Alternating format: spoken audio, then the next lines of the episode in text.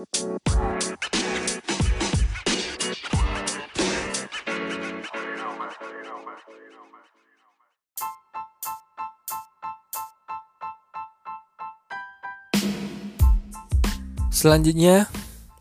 pembahasan tentang riba. Kita sudah membahas yang namanya jual beli, khiyar, syarat-syaratnya dan sebagainya.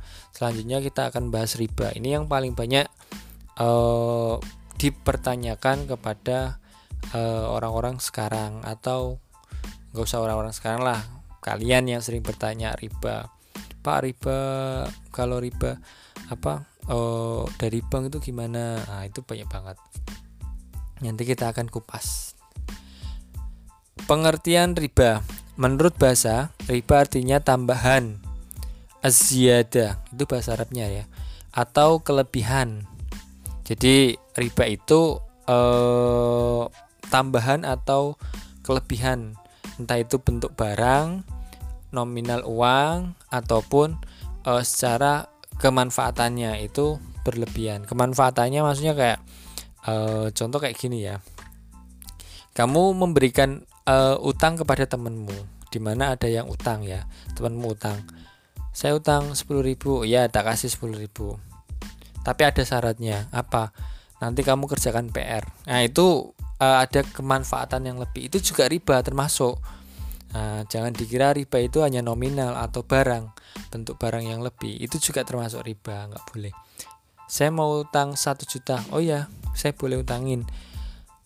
Saya nggak ngasih riba kok. Uh, nanti kembalikan satu juta uh, saja nggak apa-apa, nggak usah ditambahin. Oke, okay, sip deal. Tapi syaratnya nanti kamu nyuci bajuku ya. Soalnya saya lagi males. Nah, itu juga termasuk riba, memanfaatkan Macam-macam riba. Yang pertama, riba fadli. Riba fadli yaitu pertukaran barang sejenis yang tidak sama timbangannya. Jadi, e, dua barang yang sama tapi timbangannya yang berbeda. Contoh, cincin emas 22 karat seberat 10 gram ditukar dengan emas 22 karat seberat 11 gram. Nah, ini kan berbeda timbangannya ada satu yang lebih uh, berat satu gram nah, kelebihan itulah yang termasuk riba jadi sama-sama 22 karat uh, yang satu timbangannya 10 gram yang satu 11 gram. Itu termasuk riba namanya riba fadli. Loh pak kok sama-sama emas 22 karat kok timbangannya berbeda? Ya iya bisa jadi berbeda. Kenapa pak? Karena kadar campuran dari uh, selain emas itu sendiri. Nah, contoh uh, gelang itu 22 karat. Nah, gelang 22 karat bisa jadi uh, satu satu gelang atau tiga atau empat gelang 22 karat. Nah, kan timbangannya kan ada berat. Yang satu adalah cincin. Nah, itu juga terlalu ringan 22 karat. Nah, kan kecil sama sama apa? Sama berat atau kecil sama besar. Itu kan berbeda. Akhirnya. Yang kedua, riba kordi. Riba kordi yaitu pinjam meminjam dengan syarat harus memberi kelebihan saat mengembalikannya. Contoh, si A bersedia meminjami si B uang sebesar 200.000 asalkan si B bersedia mengembalikannya sebesar 220.000. Bunga pinjaman itulah yang disebut riba. Ini yang kayak di bank-bank ya, ada nominalnya lebih entah 500 perak, 1000 perak dan sebagainya. Atau sama orang e, kamu minjem sama oh, temanmu terus minta kelebihan minjem 10.000 ngembalikannya 11.000 itu namanya riba. Ribanya riba kordi. Yang ketiga, riba yadi. Riba yadi atau riba yad yaitu akad jual beli barang yang sejenis dan sama timbangannya, tetapi penjual dan pembeli berpisah sebelum melakukan serah terima. Contohnya, penjualan kacang atau ketela yang masih di dalam tanah. Nah, riba yad atau riba yadi itu riba yadi yaitu akad jual beli barang yang sejenis dan sesama timbangannya, tetapi penjual dan pembeli berpisah sebelum melakukan serah terima. Contohnya, penjual kacang atau ketela yang masih di dalam tanah. Jadi eh, riba yadi atau riba yad ini jual beli eh, atau menukar menukar dua hal yang belum diketahui. Contoh, saya punya kacang, kamu punya punya ketela, sama-sama di dalam tanah. Kita kan nggak tahu uh, hasilnya atau ben, uh, yang ada di dalam dalam tanah tersebut besar atau kecil, bagus atau tidak. Loh kan bisa diambil dulu contoh satu. Ya, satunya kan pas delalah atau pas untungnya bagus, tapi kan nggak tahu yang lainnya bagus atau tidak. Kita terus tukar menukar. Saya punya kacang eh, apa satu hektar, dia punya ketela satu hektar. Kita gimana tukaran? Soalnya kacang saya itu eh, apa produksinya itu bagus-bagus. Cuman kayaknya saya pengen pengen jualan ketela aja deh. Oh ja oh sama. Saya juga pengen jualan kacang. Gimana kalau kita tukeran aja? Oke nggak apa-apa. Nah itu kan di dalam tanah tidak kita ketahui. Dan tidak eh, apa tidak sesuai. Karena takutnya nanti ketika eh, panen itu timbangannya itu berbeda. Itu timbangannya berbeda. Nah, seperti itu. Namanya riba yad atau yadi. Selanjutnya riba nasiah riba nasiah yaitu akad jual beli dengan menyerah, penyerahan barang beberapa waktu kemudian Contoh membeli buah-buahan yang masih kecil-kecil di pohonnya kemudian diserahkan setelah besar-besar atau setelah layak petik. Riba nasia itu kan contohnya adalah kamu jalan-jalan nemu pohon mangga yang masih apa kecil-kecil. Terus kamu nyari yang punya. Yang punya saya mau beli pohon ini. Uh, buah buah mangga tersebut. Oke, nggak apa-apa.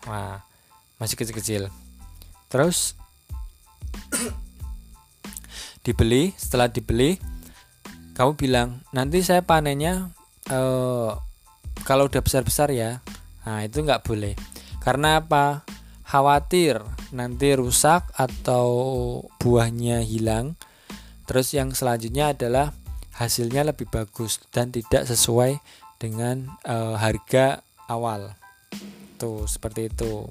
Yang lebih parah sebenarnya adalah ketika ada eh, satu hal yang tidak bisa diganggu dan itu nanti yang tanggung jawab tidak tahu siapa contoh kayak tiba tiba-tiba ada angin topan terus merobohkan pohonnya itu kan akhirnya nggak bisa dipanen kecuali kalau mau beli uh, uh, yang masih pentil tadi yang saya menyebutkan di tempat saya itu namanya pentil masih pentil masih kecil-kecil hijau-hijau kecil-kecil terus langsung kamu ambil. Nah, itu nggak apa-apa.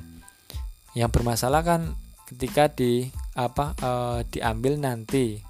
Ketika apa saat sudah uh, matang-matang. Itu yang tidak diperbolehkan. Selanjutnya utang piutang. A pengertian utang piutang. Utang piutang adalah menyerahkan harta dan benda kepada seseorang dengan catatan akan dikembalikan pada waktu kemudian dengan tidak mengubah keadaannya contoh utang 150.000 di kemudian hari harus melunasinya 150.000 jadi utang piutang itu adalah e, menyerahkan harta atau barang kemudian dikembalikan lagi dengan e, apa nominal yang sama. Nah, entah itu kapan sesuai dengan kesepakatan. B. Rukun utang piutang. Adapun rukun utang piutang tiga yaitu sebagai berikut. Satu ada pihak yang berpiutang dan yang berutang. Jadi ada yang utang dan ada yang e, ngutangin.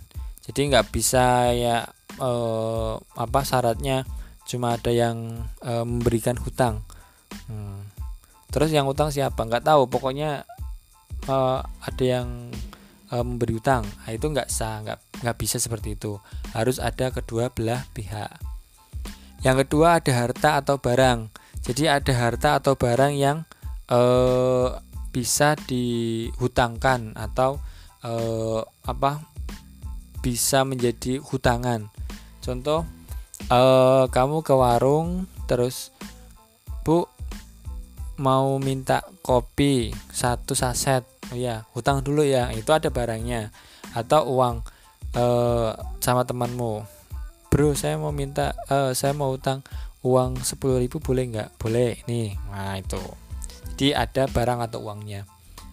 Lafaz kesepakatan. Misalnya saya utangkan ini kepadamu. Nih tak kasih utangan nah kemudian yang berutang menjawab ya saya utang dahulu.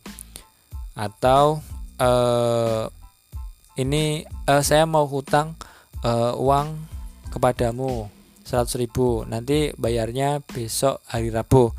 Oke ini saya utangin nah itu juga diperbolehkan. Terserah mau akadnya dari yang utang dulu atau yang memberi hutang. Selanjutnya sewa menyewa. A. Pengertian sewa menyewa. Sewa menyewa atau ijarah adalah imbalan yang harus diterima oleh seseorang atas jasa yang diberikannya.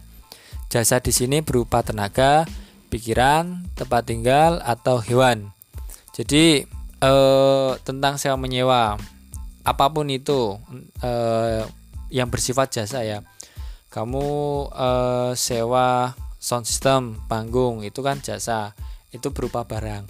Kalau yang berupa eh, apa namanya tenaga itu seperti kamu Gojek, nah, GoFood itu kan juga termasuk tenaga.